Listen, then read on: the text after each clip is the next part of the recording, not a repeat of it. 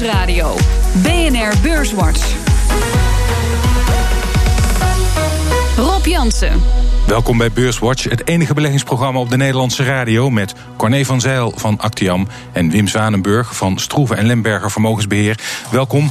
Um, ja, februari begon heel matig uh, op het Damrak. Wall Street uh, is vandaag ook best wel een treurige dag. Wat is voor jullie, even heel kort, de oorzaak? Corné. Nou, het begon met wat oververhit sentiment dat iedereen positief was. En vervolgens kwam er een flinke rentestijging over, zowel in de Verenigde Staten als in Europa. En dat doet pijn.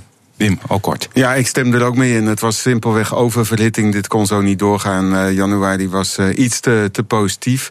Maar ik zie eigenlijk geen fundamentele aanleiding. Anders ook dan even die uh, rente. En dat creëert weer wat onzekerheid. Het was de week waarin de bitcoin weer flink onderuit ging. En, constateert Dominic Chu van CNBC, de bitcoin is niet de enige crypto-loser. Some double-digit percentage declines in Ether, also Litecoin and Ripple as well.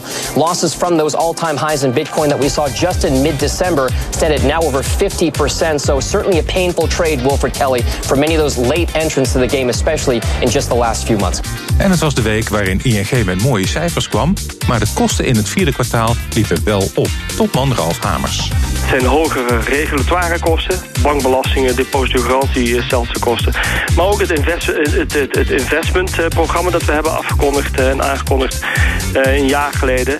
Ja, dat zien we in het vierde kwartaal. Hebben we extra geïnvesteerd en dat brengt dat de kosten ietsjes hoger liggen. En het was de week waarin Donald Trump zijn eerste State of the Union uitsprak. Tonight I'm calling on Congress to produce a bill that generates at least 1.5 trillion dollars for the new infrastructure investment that our country so desperately needs. Ja, Trump, om met het laatste te beginnen anderhalf biljoen, in het Amerikaans een trillion, voor de infrastructuur. Uh, zoals hij zegt, dat is nodig voor die infrastructuur. Dat kan ik wel begrijpen. Maar Corné, heeft de Amerikaanse economie deze impuls eigenlijk wel nodig? Komt hij wel op het goede moment? Eh, eh, nee, maar laat ik in ieder geval zeggen: ja, ze, de economie heeft het nodig dat die infrastructurele investeringen gedaan worden. Daar is iedereen wel van overtuigd. Ja, maar ja, daar kon Obama eigenlijk ook niet omheen. En toch is Obama er redelijk van weggelopen. Uh, maar laat wel wezen, je zit nu op 3,5% tekort al. Nu ja. in hoogtijdagen. Daar gaat nog eens eventjes een flink belastingplan overheen. Betekent weer enorme cash outflow voor de Amerikaanse overheid. En dan nog ook eens 1500 miljard. Ik ben bang dat menig belegger denkt van nou die Amerikaanse staatsobligaties, die laat ik even links liggen, want dit gaat helemaal uh, uit de klauwen lopen. Ben je er ook bang voor, Wim? Nou, ik ben niet bang voor die investeringen van infrastructuur, maar een, beetje voor de neveneffecten. Op zichzelf uh, dragen de investeringen in infrastructuur bij tot de versterking van de economie. En het is absoluut nodig in de VS. Wegen, logistiek, uh, bruggen enzovoort. Wie wel eens door Amerika reist, en dat heb ik afgelopen jaar ook nog wel gedaan. Uh, ja, die ziet met name in het binnenland een hele forse veroudering. De highways die zijn echt al in de jaren 50, 60 aangelegd. Het is goed dat daar een impuls aan geeft, maar wat ook is voor de infrastructuur. Dat zijn vaak investeringen op de hele lange termijn. Dus uh, het timing effect, het gaat echt nog wel even duren voordat het zijn beslag krijgt. Hmm. Uh, we hebben vandaag ook een banenrapport uh, gehad, uh, Corné. 200.000 banen erbij in de VS. Beter dan verwacht. Um, ja, kan eigenlijk niet, kan niet op. Hè? Het zag er ook weer mooi uit. Ja, het kan niet op en dat is gelijk ook het probleem. Want dat dachten die werknemers ook. Die hebben 2,9% salarisstijging gekregen op jaarbasis. En dat is wel heel flink. En daar zag je dat de markten vooral van schrikten. En daar schaken ook weer die obligatiebeleggers van. Je zag de 10 jaar staatsrente flink omhoog lopen. En die was al zo flink gestegen. En laat wel wezen, die 2,9% die gaat in de echte harde inflatie terugkeren. Dus dat gaat een probleem worden op een gegeven moment. Ja, maar ook wel misschien verdere economische groei. Een motor die aanslaat. Ja, je ziet de investeringen toenemen, je ziet de consumptie eh, toenemen. Natuurlijk ook vanwege die eh, loongroei. Ook het beschikbaar inkomen van werknemers neemt toe. De minimumlonen, zelfs bijvoorbeeld bij Walmart en zo, die zijn eh, verhoogd. Dus dat geeft inderdaad ook wel een positieve impuls. En wat ik tot nu toe eigenlijk wel vrij positief vond, is dat je afgelopen jaar zag dat de arbeidsproductiviteit weer ging stijgen. En dat kan natuurlijk enigszins voor compensatie van die loongroei zorgen. Zodat zeg maar de loongroei niet ten koste gaat van de marge. Maar het laatste cijfer over arbeidsproductiviteit viel toch ook weer een beetje tegen. Ja, en als jij inderdaad meer loon moet gaan betalen, dan betekent dat je als bedrijf minder overhoudt. En dat geldt dan natuurlijk niet voor de Googles en uh, Amazons van deze wereld, maar voor de gewone bedrijven. Die gaan op een gegeven moment wel een probleem hebben. Hè. Als je Walmart aandeelhouder bent, dan denk je, ah, de, meeste van de toegevoegde waarde die we dus nu gaan zien, gaat niet naar jou als aandeelhouder, maar gaat naar de werknemers toe. Die konden dat ook wel gebruiken. Laten we dat even voorop stellen. Ja, um, morgen dan uh, loopt officieel uh, de termijn van Janet Yellen af, de president van de Amerikaanse Centrale Bank. Gisteren nam ze geloof ik al afscheid van haar personeel. Um, je kan wel zeggen, de economie verkeert in goede staat in Amerika. Tegen oververhitting aan misschien, maar verkeert in goede staat. Is dat voor een groot deel aan haar te danken? Ja, nou, dat is de kwestie van, uh, ja, was de, was de rente laag? Ik denk, uh, er wordt heel veel uh, toegeëigend door Trump. Ja. Ik denk dat belangrijk fundering is gelegd door, door Obama, om het, om het eerlijk te zeggen. De Fed heeft ook wel het juiste gedaan, maar ze heeft ook het juiste pad nu gekozen door de rente wel te gaan verhogen en die oververhitting wat af te zwakken. Hm. Voor mij betreft had ze wel wat eerder mogen beginnen met, met de rente verhogen. En daar heeft ze te lang mee gewacht. Ze hebben iedere keer allerlei excuses gevonden om de rente maar niet te verhogen. En ik weet mm. dat dat in Frankfurt ook voor heel veel frustratie heeft gezorgd. Mm. Want ja, als zij de rente niet verhogen, dan kan eh, de ECB daar eigenlijk ook niks mee doen. En dat zorgt er weer voor een verschil met de euro- en dollarverhouding. En dus uh, daar had ze eerder mee mogen beginnen. En ik denk dat we daar nu een beetje ja, de oververhittingsvruchten van plukken. Dus eigenlijk is het eindoordeel van jullie misschien helemaal niet zo uh, nou, positief. Per saldo, per saldo wel, eh, wel positief. Ze, ze, heeft ook aangekondigd, zeg maar, de, die QE, uh, de kwantitatieve verruiming, de aankoopprogramma's af, af te bouwen. Ze heeft duidelijk stappen gezet. Hm. Het is overigens nooit alleen de president, hè. het is het hele beleidscomité. Hm. Ja. maar daar heeft ze zeker, ja, ik denk dat ze dat goed heeft aangevoerd. Jouw eindoordeel? nou, Iets gereserveerd. vanwege het feit dat ze gewoon wat actiever had mogen zijn. Ik ben bang dat we daar op een gegeven moment wel last van gaan krijgen. Ja, onder, een van de uh, dingen die we nu zien is dat de rente eigenlijk al sinds halverwege december, midden december, is die aan het oplopen. De laatste tijd vrij sterk.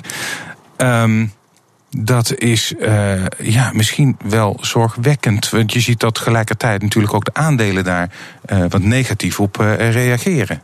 Nou, pas, pas eigenlijk eh, de laatste, laatste week dan. Uh, ik denk overigens nou, dat het verband tussen rente en, en aandelenmarkten niet zo sterk is. Uh, en zeker ook de komende jaren niet. Dan moet je echt naar hele forse, hogere renteniveaus. Hm. We zagen juist tot aan eind vorige week ook uh, uitstroom uit de obligatiemarkt en instroom in de aandelenmarkt. Hm. Omdat bijvoorbeeld de premies, de credit spreads, hm. de premies op bedrijfsleningen ten opzichte van staatsleningen in de rente, die, die was volledig afgegraasd. Mm. Dus obligaties waren gewoon niet zo aantrekkelijk. En voordat er weer een kantelpunt komt, denk ik dat we nog heel lang weg zijn ben het eens met op korte termijn dat er geen relatie is tussen rente en waarderingen. Maar op lange termijn is die er wel zeker. En op, het, ik zeg altijd maar, overwaardering is geen trigger voor beurs om naar beneden te gaan. Maar uiteindelijk wel kan het een heel slecht eemstapmoment is. En dat, die fase hebben we denk ik gezien. Stijgende rentes en stijgende waarderingen zijn een gevaarlijke combinatie. En kunnen tot enig moment tot een omkeerpunt hebben. Gelukkig hebben we nog stijgende winsten. Onder andere door de belastingplan van Trump.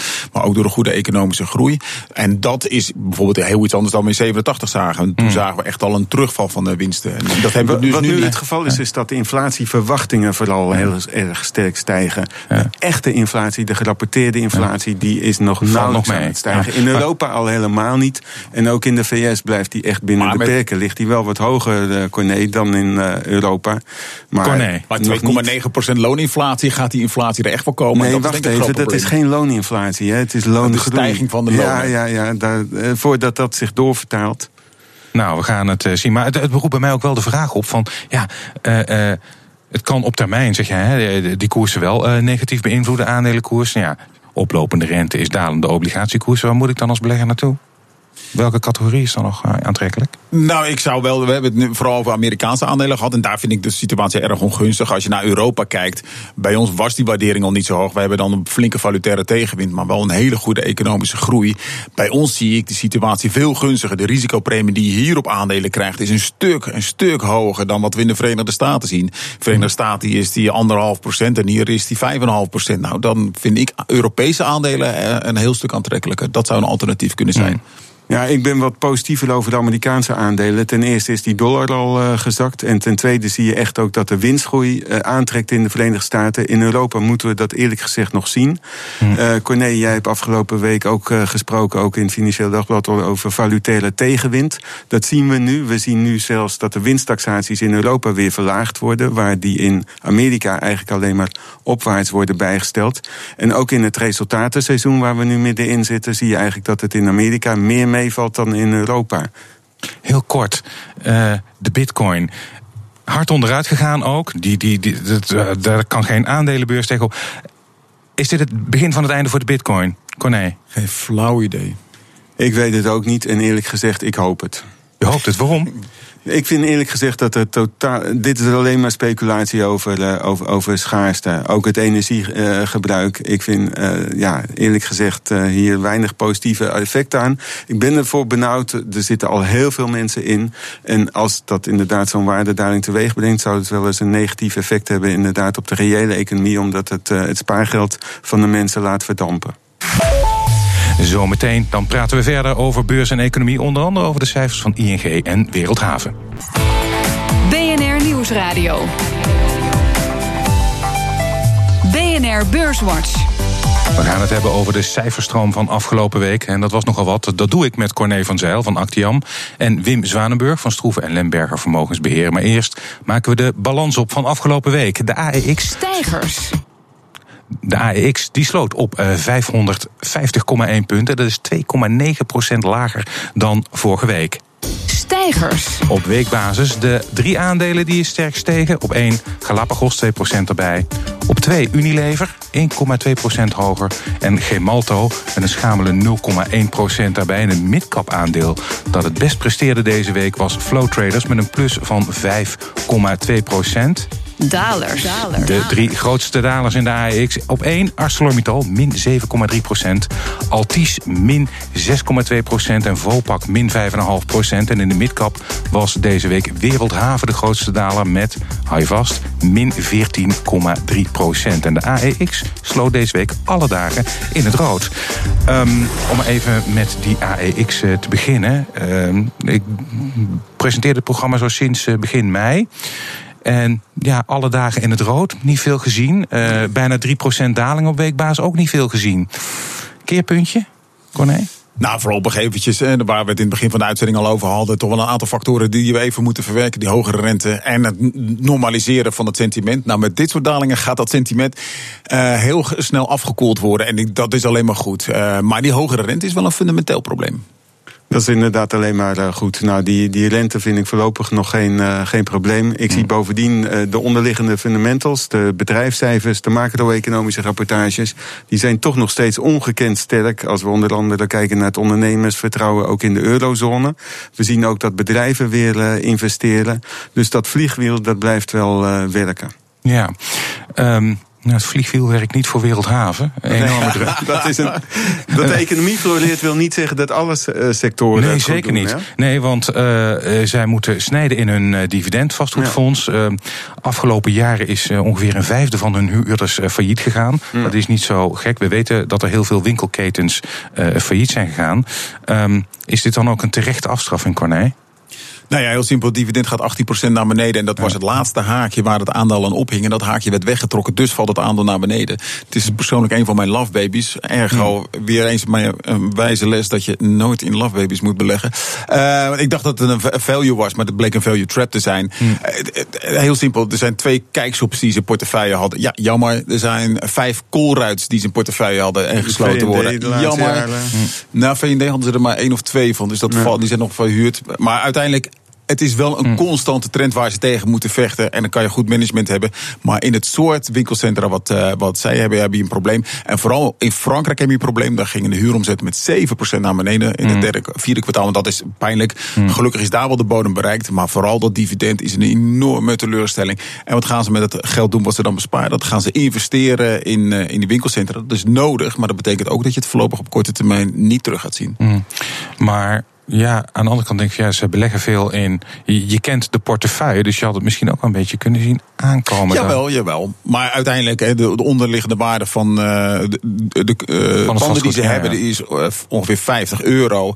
En als je tegen 40 kan kopen, dan lijkt dat value. Maar zoals gezegd, dat bleek dus een value trap te zijn. Ja, ja ik vind dat het toch hier ook, behalve de invloed van de cyclus over de afgelopen jaren, ook de invloed natuurlijk van de disruptie, hè, van de digitale, de economie, online, e-commerce. En bovendien winkelcentra. Je moet voortdurend vernieuwen om het fun shoppen enzovoort. Uh, dat ja, is een kostbare in stand te houden. Dat is een kostbare grap. Dus ook de huurders die proberen nu tegenwicht te bieden en huurverlagingen af te dwingen. Ja. Um, maak een sprong naar een totaal andere sector. En we hebben een hele brei aan cijfers. We kunnen ze niet allemaal uh, uh, behandelen. Maar Philips Lighting, die, de, die heeft voor het eerst sinds tijden de jaaromzet weten te verhogen. Die kreeg er in een week tijd trouwens ongeveer 3% bij, Philips Lighting, ondanks dit uh, moeilijke klimaat. Knappe prestatie, Corné?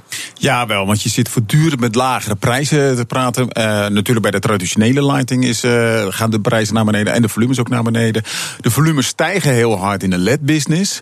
Ehm, maar daar was het prijsverval toch wel wat groter dan verwacht. En het enige wat je daaraan kan doen is kosten besparen. Dat doen ze goed, zowel bij, bij traditionele lighting als bij LED-business. Het grote, de grote meevallen zat vandaag wel in de professionele business.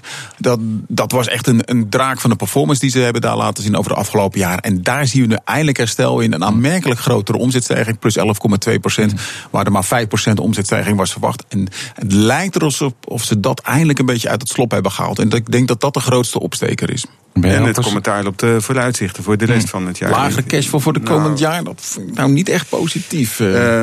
als, je, als je kijkt naar de margeontwikkeling, dan, dan viel dat uh, analisten mee. Hmm. Dus ja, maar wat, je, wat ik ook wel eens lees, je had het al, eh, je stipt het al enigszins aan. Eh, ik lees ook vaak in analistenrapporten over, ja, ze maken ledlampen, hartstikke mooi, maar die worden tegen de echte doorbraak is nog niet gekomen. En de af, die worden ook in China gemaakt tegen eh, veel lagere kosten. Dat, lijkt me ook wel een bedreiging voor het businessmodel. Of ben ik dan te somber?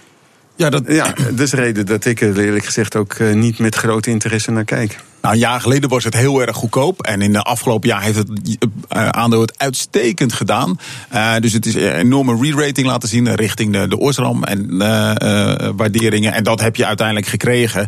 En hm. ja, dan was het spel eigenlijk gespeeld. Maar het is prijsmaal volume. De volumes gaan keihard omhoog. De prijs gaan keihard naar beneden. En per saldo is het netjes als je er nog een plusje uit weet te halen. Maar het is wel een moeilijke business. Hm. De afgelopen jaren forse winstgroei van de winst per aandeel. En hm. dit jaar zakt dat toch wel behoorlijk terug. Ja. We hoorden aan het begin van de uitzending Ralf Hamers al even over zijn bank. De winst dit jaar ligt gestegen naar bijna 5 miljard euro. Maar de kosten zitten in de lift. Uh, Wim, uh, ik begin even met jou, Corné. Wat vond jij van de cijfers? Uh, op zich mooi. Als je gaat kijken naar de omzetstijging, daar hadden we allemaal op zitten wachten. Hogere rente betekent hogere omzet. Maar ja, als er veel hogere kosten tegenover staan, heb je een probleem. als je het even vergelijkt met Deutsche Bank, daar heb je ook hogere kosten, maar geen hogere omzet. Die hebben het veel moeilijker. En dan laat ING wel mooie prestaties zien, maar wel in relatieve zin. Uh, maar uiteindelijk, als die rente voor verder gaat stijgen, betekent gewoon dat het een hele mooie uh, omstandigheid is om in banken te gaan beleggen. Eens? Uh, voor een deel. Uh, het behoort wel tot de favoriete aandelen van ons. Maar binnen een sector waar ik uh, zeg maar ten hoogste marktgewogen ben. Ik zie nog niet een hele sterke groei van de kredietverlening. Rentemarge die staat ook nog steeds wat onder druk. En dan die kostenratio die kwam op ongeveer 55 kosten-inkomenratio 55 procent uit. Dat was echt behoorlijk boven de doelstellingen op lange hmm. termijn. Ja, ze moeten ook nog uh, fors investeren in de digitalisatie. Hoewel ING daar ook wel voorop loopt ten opzichte van een aantal andere banken. Maar ze voelen de hete adem van de fintechs in de nek. Ja.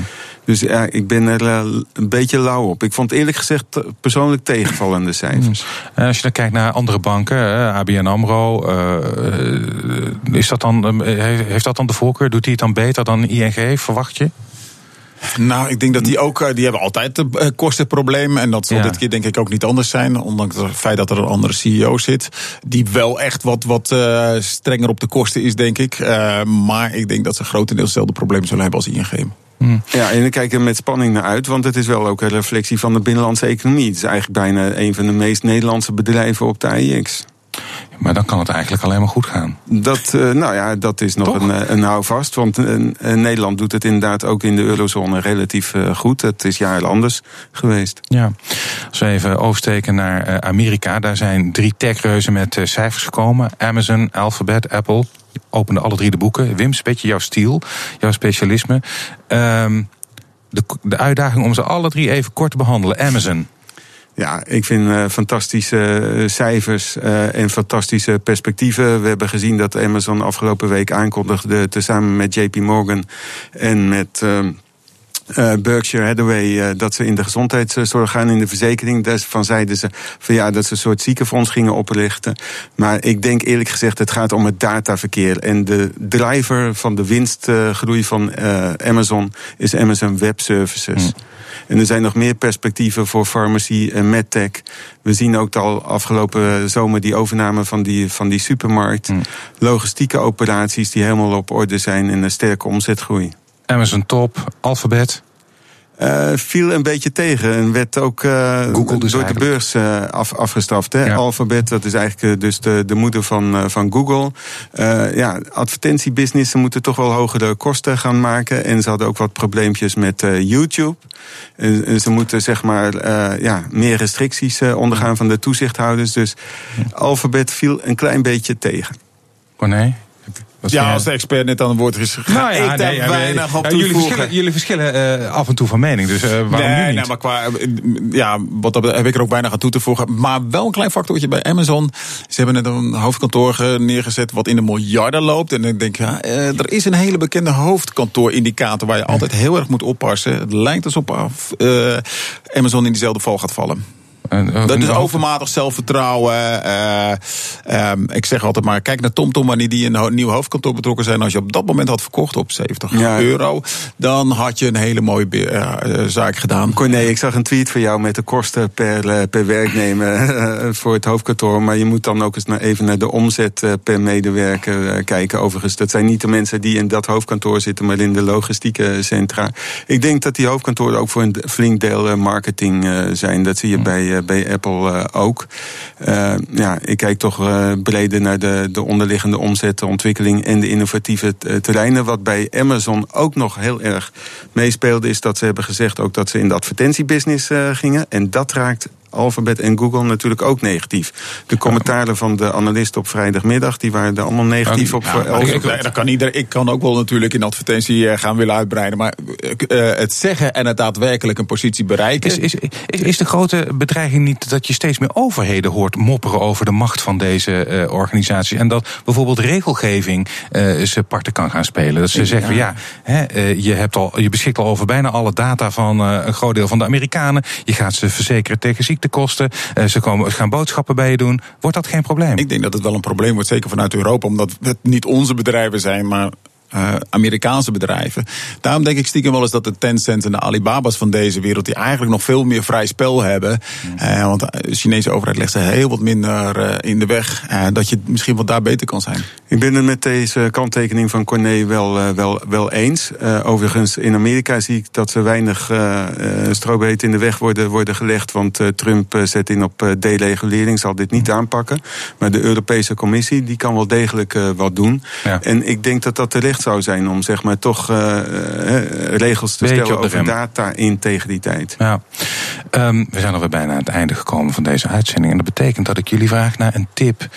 Waar moeten de beleg beleggers instappen? Mag aandeel zijn, vastgoed, obligatie? Corné. The floor is yours. Ja, we hebben het er eigenlijk al een beetje over gehad. Ik zou uh, een bankensector in Europa, denk ik dat er wat meer potentie zit, omdat de stijgende rente uiteindelijk tot een hogere marge leidt. Uh, met name vanwege ook de Zuid-Europese banken die wel het ergste achter de rug lijken te hebben, zijn die heel voorzichtig.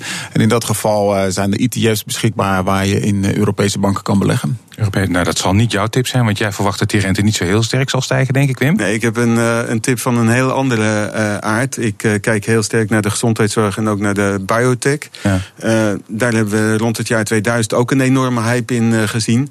Maar nu 15 jaar na dato, nadat we het Human Genome Project hebben gehad, komen er echt uh, nieuwe geneesmiddelen op de markt.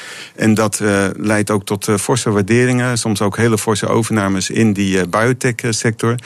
Celgene is een uh, onderneming die heeft het uh, middel Revlimid uh, tegen de ziekte van Kaler. Hebben ook een hele brede portefeuille. Onlangs nog een grote overname gedaan waar ze notabene 90% premie voor betaalden. Dat lijkt heel gek.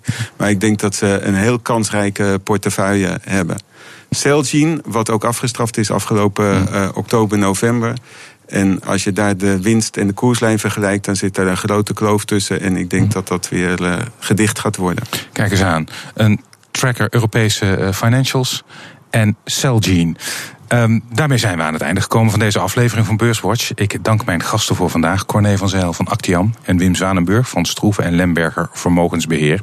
Volgende week is er natuurlijk weer een Beurswatch en deze uitzending kunt u naluisteren op de website van BNR of via de BNR-app.